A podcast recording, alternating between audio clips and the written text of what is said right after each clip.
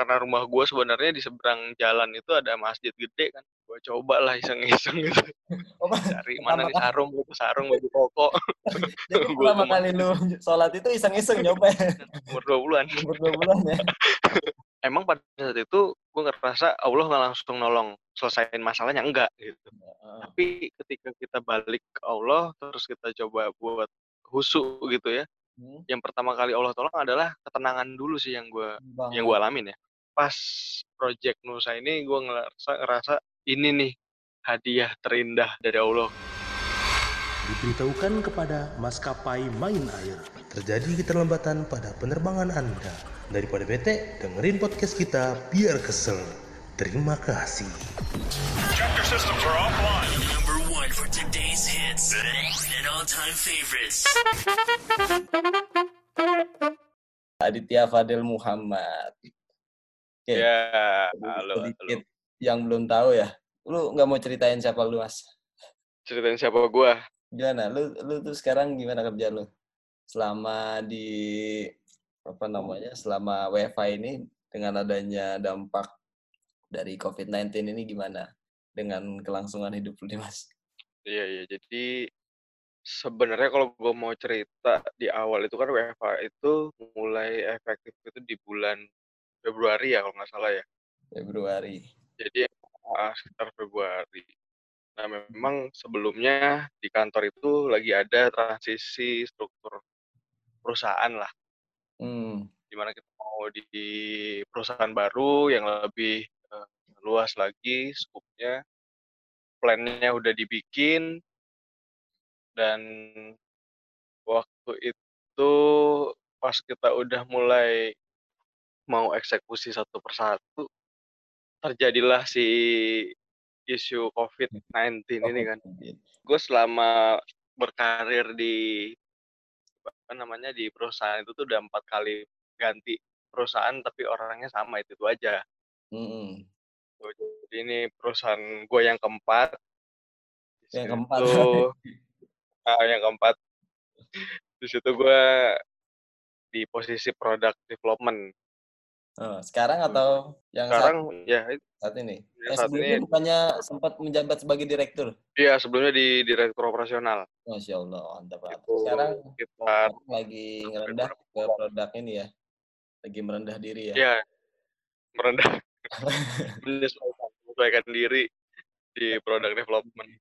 Ya udah eh, akhirnya kemarin sempat bikin planning, bikin forecast segala macam pas mau eksekusi ada isu kayak gini akhirnya kita sesuaiin lagi Hmm. dan apa mulai tuh ngerasain kerja dari rumah Hmm. kita kan udah jalan sama beberapa partner kan ya yang sebenarnya udah yang harusnya di tahun ini tuh udah banyak yang harus kita launch gitu kejadian kayak gini yang biasanya kita meeting untuk review produk atau discuss soal apa namanya campaign nanti ke depannya gimana Hmm. Langsung ber- beralih ke itu kan ke Zoom lah istilahnya Betul. di mana kita belum biasa terus belum lagi kalau misalkan internetnya kacau sinyalnya kan Iya. Wah, Nusa banyak Official nih. Store ya, bener ya? Nusa Iya, betul, Nusa Store. Oke, jadi sampai sekarang masih Nusa Official Store atau sekarang nama perusahaannya nama brand itu Astara As Astara Astara? Tapi belum launching ya? belum belum launching nah itu Oh. itu kehambat karena ini juga karena Jadi tapi nggak apa-apa nih ya kita ketahuin dulu kalau nanti bakal ada ini ya, ada launching Astara nih. ada, ada Astara kita bergerak di bidang IP management IP salah satu Management kita megang nah, salah satu kita megang brand Nusa Nusa, oke. Sebelumnya kan Nusa Official Store ya? Terus Nusa Official Store-nya Iya. sendiri itu gimana? untuk official store sendiri eh, sebenarnya masih ada secara apa namanya secara perusahaannya masih ada karena memang masih ada beberapa pekerjaan yang emang harus diselesaikan juga kan tapi sekarang masih masih ini kok masih ibaratnya masa transisi lah ke si perusahaan yang baru ini Oh, oke. Itu lu lu kan lagi baru banget ini ya, gitu, apa eh, nge-build satu company ya di tengah kondisi Iya. yang di tengah kondisi yang lagi pandemik begini. Itu gimana Tuh. kesulitan kesulitannya tuh? Yang harusnya launching, yang harusnya jangan jangankan ngebikin satu perusahaan ya. Perusahaan-perusahaan yang udah jalan aja di di tengah pandemik ini pada pada repot, pada banyak yang nyari collab gitu. Iya benar-benar. Iya, jadi emang lucunya gitu ya dia Iya. di keadaan kayak gini banyak malah- perusahaan yang Lu malah mau bikin Ya. perusahaan gitu. iya benar-benar. Iya lagi keadaan kayak gini ada perusahaan yang mungkin sekarang masih perusahaan-perusahaan yang udah settle masih tahap di mana mereka kayak menyesuaikan diri kan gitu ya, nggak sampai collab juga gitu. Tapi saat kayak gini kita malah buka perusahaan baru dengan tim yang lumayan banyak. Kita ada Hmm. sekitar 20 orang di perusahaan itu dan kita harus running Harus ya. itu sih tantangannya sebenarnya itu harus running harus running tantangannya kita harus fokus ke produk-produk kita yang bisa kita eksekusi di ranah online sebenarnya Oh, tapi lu pede. gitu. Tapi lu pede untuk ngerunning sebuah company di tengah pandemi ini. Eh, kalau dari strategi kalau kita kan sekarang sebenarnya yang yang jadi ibaratnya produk andalan saat ini kan kita di situs official store ini ya. Iya. bisa di produk retail bisa dibilang. Bisa produk retail. Hmm, untuk awal sih sebenarnya eh, dari segi data kita ada penurunan penjualan sebenarnya untuk awal Eh, berapa persen pengaruhnya, Mas? bisa dibilang hampir 50% ya dari biasa omset kita per hari Lumayan ya? lumayan lumayan banget Hmm. 50% terus eh, mungkin di saat itu di minggu-minggu awal itu mungkin masyarakat masih shock dengan isu ini jadi mereka ngerasa harus eh, saving money kan gitu Ya, harus saving betul. dan mereka mungkin nahan terus kan. Ah, Gua aja boro-boro belanja. Nabung terus, nabung. di saat kayak gitu kita jadi gimana kayak the power of kepepet tuh istilahnya tuh. Di saat lagi kepepet kita harus eh, berkreasi gitu kita harus nyari jalan keluar gimana caranya ini tetap bisa jalan. Akhirnya kita bikin ide-ide yang sebenarnya belum pernah kita lakuin justru. Belum pernah kita Hmm. lakuin di Sinus Official Store ini gitu. Salah satunya kita ngadain flash sale lah paket bundling itu yang sebelumnya selama kita setahun berjalan sebelumnya itu belum pernah kita lakuin Nah. di ranah online ya Hmm. sale bundling eh, terus paket-paket itulah gitu.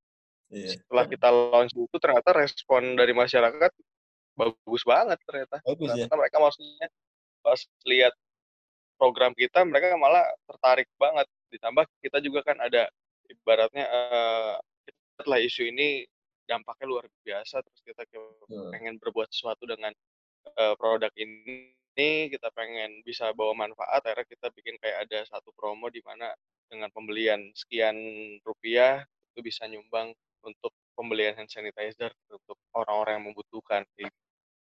Dan itu alhamdulillah alhamdulillah banget sebenarnya Tapi itu juga menurut gue, gue banyak-banyak bersyukur ya. Gue sendiri ya di ruang lampu, eh, karena adanya pandemi ini bukan cuma merubah semuanya, tapi juga kita dipaksa diharuskan untuk berpikir secara di luar kebiasaan, ya enggak? benar-benar out of the Iya. box banget Yang biasanya kita ngelakuin apa, karena ada WFH ini kita harus dituntut harus ngelakuin hal yang beda, dituntut harus lebih aktif Iya. membuat konten-konten online, ya kan? Penjualan kayak penjualan nasi juga online, ya enggak? Ah, bener-bener Iya sih. sampai itu loh Han apa gue eh yang tadinya maksudnya kayak online tuh gue nggak pernah tuh bikin kayak analisa tiap hari segala macam. Sekarang tuh gue lakuin. Jadi gue nggak data. Dari pagi gue pantengin tuh si data. Hmm. ini gue bikin itu demografinya nih paling banyak daerah mana segala macam. Karena buat strategi kita besoknya kan Maksudnya kita buat analisa minggu depannya. Hmm. apa yang kita harus lakuin gitu. Tapi gue lebih jadinya Hah? terupgrade lah. Alhamdulillahnya gue ngerasa gue terupgrade dari segi ilmu analisa mungkin ya. Nah, jadi eh, jadi eh, dipaksa untuk ya udah lu nggak mau mau nggak mau lu harus nyesuaiin diri lu dan lu harus upgrade ilmu lu dari se, apa dari sisi yang belum belum pernah sentuh sebelumnya Hmm. gitu. Tapi dan itu harus dalam waktu sekejap gitu harus bisa. Jujur gue termasuk salut sih sama lu mas. Karena di awal kalau lu cerita kan ya memang bidang lu kan awalnya bukan tentang boro-boro retail ya. boro-boro awalnya awalnya lu ini konstruksi ya. Seperti apa kalau konstruksi? awal properti dari awal aduh ya kan ya walaupun masih ada bawaan jualan ya tapi kan waktu pas saat itu Iya. nggak nggak fokus boro-boro analisis dong boro-boro analisis aja. analisis yang penting cuan yang penting ya bener yang penting bisa makan. Nah, ya kan? Terus juga setelah itu lu pindah ke ini ya? Ke mana waktu itu rumah sakit ya? Ah iya kalau itu ya gue mungkin ini bisa gue urutin lagi nih seru-seru gimana gimana gimana jadi unik juga sih eh, kalau gua, kalau gue cerita tentang apa namanya perjalanan hidup gue ini gue umur keberapa ya? Dua dua sembilan tahun ini berarti oh bukannya tiga empat? Dua sembilan ya? Gue, dong enak aja. Gue masih muda. Ya? Masih muda gue. anak anak berapa anak? Anak dua ya? Anak dua, alhamdulillah. Istri takutnya kan. WFH ini jadi kita nih mas. Loh, ya kan? Akibat WFH terlalu lama di rumah jadinya tiga. Uh, jadi positifnya yang lain. Aduh. Ya jadi gini kan apa eh, background kalau gue cerita sedikit ya background background gue dulu eh, gue terakhir di orang tua yang alhamdulillah eh, cukup gitu ya dari segi materinya. Tapi eh, di situ waktu dari gue kecil itu gue sih ngerasa ya itu gue nggak pernah ngerasa susah tapi gue dididik untuk bisa dibilang eh, mandiri sih sama orang tua gue terutama sama bokap gitu hmm. mandiri walaupun dulu bokap gue punya mobil berapa empat atau lima gitu tapi gue dari dari kecil udah dibiasain untuk naik angkot hmm. jalan kaki ke sekolah gitu kan dekat kan dan sekolah. apa namanya sekolah gua itu lumayan lumayan lumayan jauh lumayan Oh, jauh ya. sekitar berapa kilo ya? Eh, sekitar 7 sampai 8 kilo lah. Ngirit harus bensin naik kan angkot pokoknya gua. Kan. iya Oh, angkot. Jadi harus naik angkot terus turun jalan kaki segala macem terus eh, mulai besar mulai besar sama aja ada mobil di rumah tapi eh, penggunaannya dibatasin gitu gua maksudnya. Hmm. Jadi dibiasain untuk ya udah nah, ini ibaratnya kayak bokap gue ini ini punya gua ya lu cari sendiri gitu Oh, iya. gitu saking nah, nah bokap gue itu eh backgroundnya pengusaha kontraktor gitu. Hmm, hmm. kontraktor yang apa namanya zaman dulu itu istilahnya kalau orang mau dapat proyek itu harus bisa jago berantem Oh, Gitu. dalam kutip ya. kan tanda kutip harus jago berantem jadi kalau lu pengen dapat proyek A ya udah Berantem bukan jagoan. Kenapa? Berantemnya bukan jagoan. bukan jago berantem lah jadi eh mau nggak mau hidupnya memang bisa dibilang keras lah itu berbanding terbalik sama kehidupan nyokap sebenarnya nyokap gue itu PNS Hmm. yang sampai akhir eh, karirnya itu dia nggak pernah punya jabatan karena emang sama bokap gue nggak boleh punya jabatan Oh, dan hidupnya ya gitu aja hmm. flat aja gitu pagi berangkat jam 7 gue inget banget pokoknya tiap hari Senin gue nganter kalau dulu pas gue udah SMP SMA gitu gue tiap hari Senin gue nganter nyokap gue dia eh, upacara gitu kayak anaknya juga ikut upacara maksud gue ya ampun si mama udah begini masih aja upacara tiap hari Senin Bokap lu PNS-nya tiga atau? Eh, eh, sorry. Eh, eh, atau- di catat catatan sipil oh, di kalau sekarang tuh namanya Distrik Capil gitu dinas oh, di Capil ya. pendudukan dan catatan sipil Heeh. Oh, Oke, Capil. Jadi dan eh, jadi nyokap gue tuh sampai dia pensiun tuh dia kerja di loket aja tuh ngurusin orang bikin akte, bikin kakak segala macam rutinitas banget ya. kayak gitu. Iya kayak gitu tiap hari. Jadi berbanding lagi sama bokap gue yang hidupnya kayak roller coaster gitu. Wah, Senin ngapain? Kadang- ngapain gitu. ya. iya bener. Seneng ngapain, seneng ngapain gitu. Tapi duitnya banyak aja kayak gitu. gue demen tuh gitu. iya bener tuh enak banget. tuh. Jadi emang sebenarnya sistem yang dipakai bokap gue itu sebenarnya gue pengen gue terapin juga sih enak sih gitu karena Hmm. kita di perusahaan startup nyari klien yang kita harus ibaratnya fight habis-habisan tuh kita harus nyari klien segala macam beda sama bokap gua bokap gua kliennya ya pemerintah pemerintah tiap tahun ada anggaran buat buka proyek kan Iya. Kita udah sama-sama tahu aja. ya. iya udah enak makanya kita kira kapan kita coba nih ke pemerintah Boleh. Selesai pandemi ini kita, kita serang pemerintah lah. Kita minta ah anggaran. bener iya enak banget tiap tahun cuma tinggal ya ngambil 3 sampai empat proyek udah Iya. aman Kayaknya gitu tergantung bidang bisnis lu sih. Kalau konstruksi mungkin iya benar sampai benar. empat kali ambil proyek cukup. Cuma kalau di bidang lain Iya, agak cukup. susah. harus harus bisa satu per sepuluh Minimal tiga kali lah minimal. iya benar Tapi iya itu jadi dari, eh, dari itu ya sudut Hmm? pandang lu berubah banget ya dari kedua orang tua lu ya. iya iya benar benar benar banget ya. Ah. Itu juga Jadi emang dari situ konstruksi. Ah betul. Jadi setelah eh, jadi sebenarnya nggak sengaja juga sih masuk ke dunia properti itu jadi waktu itu pas gua umur berapa ya? Itu 22 tahun apa berapa ya? Jadi eh, pas setelah gua fase lulus SMA terus gua kuliah baru jalan berapa semester gitu Hmm. tiga apa empat semester itu pada rulonya ya bokap gua kena stroke gitu Hmm. kena stroke dan harus dirawat di rumah sakit dan ngeluarin biaya yang lumayan besar lah bisa dibilang Hmm. lumayan besar akhirnya di situ hidup gua berubah gitu jadi kalau ditanya orang eh, di mana titik terendah dalam hidup lo ya gue sih ngerasa pada saat itu sih jadi Oke. mobil bokap gua habis wah harta habis segala macem cuma untuk dijual berarti. Kalau rumah itu beda lagi ceritanya nanti nih kalau Oh. rumah itu disita Mas, beneran sampai disita. Wah, kenapa beneran sampai disita. Iya bener sampai disita, disita sama bank. Tuh. Jadi maksudnya eh, itu bertahap sih. Jadi yang gua lihat di sini memang eh ini mungkin agak sedikit ke religi ya. Iya, iya. gitu. Jadi, eh, jadi ada fase di mana mungkin uang-uang yang dikumpulin sama bokap gue selama dia berkarir gitu mungkin ada yang eh, bisa dibilang haram kali ya. Iya, Jadi paham. alhamdulillahnya itu Allah masih ngasih kesempatan bokap gue untuk berubah gitu, untuk Oh. jadi lebih baik.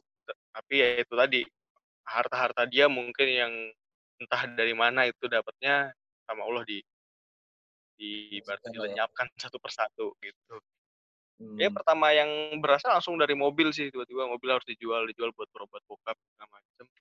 Hmm. Sisa satu mobil satu rumah ya udah di situ orang tua gue masih punya tanggungan untuk ngebiayain kakak gue tiga bersaudarahan jadi gue Iya. anak terakhir dua kakak gue itu perempuan Ah. waktu itu pada saat kejadian itu yang pertama itu udah nikah kakak gue yang nomor dua masih kuliah jadi eh bokap orang orang tua gue masih nanggung gue dan kakak gue untuk bayar kuliah sedangkan itu kuliah umur berapa berarti, Mas?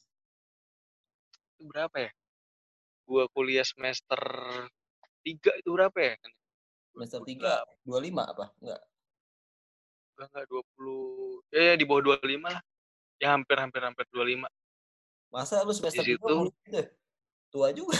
di bawah kan ya di bawah dua lima ya Gua kok jadi lupa. oh iya benar berarti berarti masih umur ya masih umur dua dua dua tiga berarti 3 sekitar 20 lah. 20 tahun. Kalau ya normal. dua puluhan lah Heeh. ya ini sih kayaknya gua gak normal ya udah dari situ eh, akhirnya gua ngerasa eh, gua nggak mau ah jadi beban orang tua gua gitu karena emang Oh. biayanya gede banget nih buat gua kuliah dan kakak gua kuliah gitu apalagi kakak gua kuliah ngambil teknik lingkungan udah Hmm. udah udah mau semester akhir lah ya udah akhirnya gue mutusin gue mau cuti dulu tadinya mau cuti dulu terus gue mau nyari kerja. Nah di sisi yang lain di saat kejadian itu akhirnya kakak gue yang pertama sama suaminya alhamdulillahnya punya inisiatif lah yang bagus tapi itu justru awal di mana eh, gue ngelihat Allah tuh ternyata sayang banget gitu sama keluarga ini Mm-mm. Jadi udah inisiatif untuk ya udah eh, karena papa punya background kontraktor yang udah punya nama bisa dibilang punya nama lah di daerah gitu di daerahnya di Tangerang ya udah kita, eh, kita ambil alih aja usahanya. Tapi dispesifikasiin lagi nih usahanya yang tadi jadi konstruksi Hah? supaya bisa ibaratnya sekarang pada saat itu lagi lagi lagi yang lagi ngetren tuh usaha properti kan developer gitu Mm-mm. kita bikin rumah-rumah rumah satu apa 5 sampai 10 rumah di ya? apa di kampung gitu istilahnya. Dan itu secara bisnisnya bagus sebenarnya. Betul. ya udahlah dari situ gue diajakin sama kakak ipar gue mau nggak? Ayo gabung. Kita apa bantuin papa nih. Niatnya kayak gitu maksudnya mau ngelanjutin ibaratnya usaha papa. Ya udahlah akhirnya dari situ eh gue ikut kerja sama kakak ipar gue nah dari situ mulai tuh pas lagi pengen jalan untuk eh, usaha properti itu kita perlu modal sedangkan eh, modalnya bisa dibilang belum cukup lah untuk bisa ngebeli tanah seluas itu ibarat Betul. Iya pasti modal Ya gede. udah, akhirnya ya modal besar gitu. kalau properti itu emang modalnya besar sih nah dari situ akhirnya eh, diskusi lah kakak ipar gue dengan orang tua gue dia ini udah dapat peluang opportunity gini gini gini tapi butuh modal. Dan dari situ bokap gue dan nyokap gue mengizinkan untuk ya udah gadein aja nih rumah satu-satunya. Oh gitu. untuk untuk untuk iya untuk untuk jadi modal usaha gitu. Wah, digadein ke suatu bank digadein akhirnya dapat uang untuk eh, ngebeli itu tanah gitu kan. Mm-mm. dapat uang untuk beli itu tanah akhirnya jalan di kita proyeknya itu di Depok Oh. dan gue tinggal di Depok waktu itu sekitar dua ta- Oh, hampir dua tahun ya? sempat sempat tinggal di Depok di daerah Sawangan Itu masih kuliah Nah. posisinya. itu gue udah cuti kan Oh cuti ya. udah cuti dan dan gue langsung ikut kerja sama kakak gue Mm-mm. kayak gitu ya udah akhirnya dari situ gue kerja kayak jadi ya bantu-bantu lah jadi admin juga apa namanya beres-beres kantor juga karena masih Oh, ibaratnya kantor kecil lah gitu. Betul. yang isinya cuma berapa waktu itu? Berempat empat orang. Hmm. nah di sisi lain kakak ipar gue emang jadi kayak bosnya kan di situ. Dia yang handling semuanya. Gue yang ibaratnya cuma ngurusin hal-hal kecil Mm-mm. berjalan berjalan akhirnya eh, usahanya bisa dibilang lancar dari segi materi akhirnya bisa dibilang berkecukupan banget tiba-tiba bokap gua di ibaratnya mobilnya diganti gitu yang lebih bagus terus kakak ipar gua beli mobil wah jadi Wah. itulah ibaratnya kalau kalau dari segi usaha bisa dibilang sukses lah dalam jangka waktu yang secepat itu kan Berapa tahun itu mas? gua nggak tahu sebenarnya Oh, iya. Nggak itu ingat. tuh setahun kalau nggak salah setahun cepet banget berarti Setahun, setahun. Iya cepet banget. Karena emang itu kan emang bisa dibilang properti di Depok itu lagi berkembang berkembangnya kan Iya ketika lagi kenceng-kencengnya. dia belum ah dia belum lama misahin diri dari Bogor kalau nggak salah berdiri sendiri dari kota Depok. Oh itu Itu tahun lagi berapa berarti ya? Jadi itu 2010 ya, 2010 Iya. berarti 2010 Iya lagi 2011 baru berkembang ya Depok ya. Hmm, baru berkembang. Jadi Males daerah baru itu. berkembang terus da- apa namanya KPR KPR tuh lagi kencang-kencangnya gitu. Jadi cepet jualan rumah tuh tipe Mhm. 36 tanah 72 itu cepet banget. Kok masih hafal? Cuma Spesifikasinya masih iya masih gua. Heeh. Jadi dulu tuh apa namanya cuma baru sekedar tanah kosong terus dibikin pondasi di beberapa coupling unit kan gitu. Heeh. Kita cuma jual flyer gitu aja bisa dibantu sama bank untuk bisa akad kredit. Hmm. Jadi Oh. emang cepet lagi bagus banget. Tapi ya dari situ gue ngerasa apa namanya eh, ada perubahan dari apa namanya kehidupannya kakak ipar gue kan. Mm-mm. Jadi lebih apa ya mungkin ngerasa lagi megang duit banyak segala macam. Akhirnya jadi Hedon ya, mungkin pada hedon. saat itu eh, pada saat itu dia mungkin lagi lupa lah lupa diri gitu. Gitu. Sampai eh, suatu ketika itu gua nggak tahu dari mana tiba-tiba ada orang bank datang ke rumah Oke. ketemu sama orang tua kan gitu ketemu sama orang tua gue eh, ibaratnya mau nanya lah, mau nagih gitu, "Ini gimana nih, kapan bayarnya?" Segala macem. Dan itu itu nggak sampai ke gue informasinya, karena kan gue tinggal di Depok kan waktu itu kan. Oh, tapi rumah masih ditempatin orang tua ya? Masih masih. Hmm. Nah, di saat itu udah tuh, eee, orang tua gue nggak tahu menau, terus minta pertanggungjawaban sama kakak ipar gue, di situ mulai bisa dibilang kayak ada ya ribut lah, ribut-ribut lah. Mhm. Termasuk gue juga gitu yang ngerasa, "Ini ada apa nih?" Soalnya gue taunya baik-baik aja, ternyata ada masalah di balik ini gitu. Dan pengelolaannya ternyata pada saat itu memang kakak ipar gue masih belum mampu mungkin ya untuk mengelola, eee, uang sebanyak itu. Dan Mhm. dari situ akhirnya kita berantem, keadaannya makin kalau menurut gue ya keadaannya malah makin buruk. Jadi gue sama kakak ipar gue berantem, sama kakak gue berantem. Terus di satu sisi, eee, nyokap gue jadi jatuh sakit juga gitu kan, karena mungkin kepikiran juga ya. Mhm. Terus bokap gue juga jadi ngedrop juga, dan bingung dan bingung. Maksudnya dalam artian, ya gue gimana, gue juga bingung mau nolongin gimana, orang utangnya gede banget tuh. Gimana mau bayar kan gitu. Heeh. Bingung sampai akhirnya gue di situ satu titik di mana gue kenal apa namanya, eee, namanya sholat. Nah, di saat itu gue belum itu tuh Han, gue belum belum nikah tuh. Oh, waktu itu belum nikah, tapi pertama Belum kali nikah, gue itu justru pas di umur sekitar 20-an ya? Pa apa pertama kali apa? Pertama kali kenal sholat. Oh iya benar benar, umur 20-an. Umur 20-an ya? Umur 20-an. Gitu. Jadi dari situ ya ya. gue ngerasa ngerasa udah mentok gitu, terus gue waktu itu, eee, apa namanya, waktu itu tuh kalau nggak salah lag Ustadz Yusuf Mansur tuh lagi rame-ramenya lah di TV gitu ya. Mhm. Ya nggak sengaja ya nonton lagi nonton gitu Ustadz Yusuf Mansur intinya ketika ada masalah gitu deketin Allah segala macem. Ya udah maksud gue, ya udah mungkin ini kali ya jalan apa maksudnya gue coba Hidayahnya kali ya? ya. Gue saking udah gue ya? udah mhm, gue saking udah nggak tahu harus gimana gitu. Karena apa, eee, karena gue ngerasa ini masalahnya bukan gue yang berbuat, tapi, eee, orang lain yang berbuat, tapi dampaknya ke gue-gue juga kan itu, ke orang tua gue Berarti juga. 2 kali ya Kalau tit kom titik terendahnya 2 kali ya? Iya, bener bener.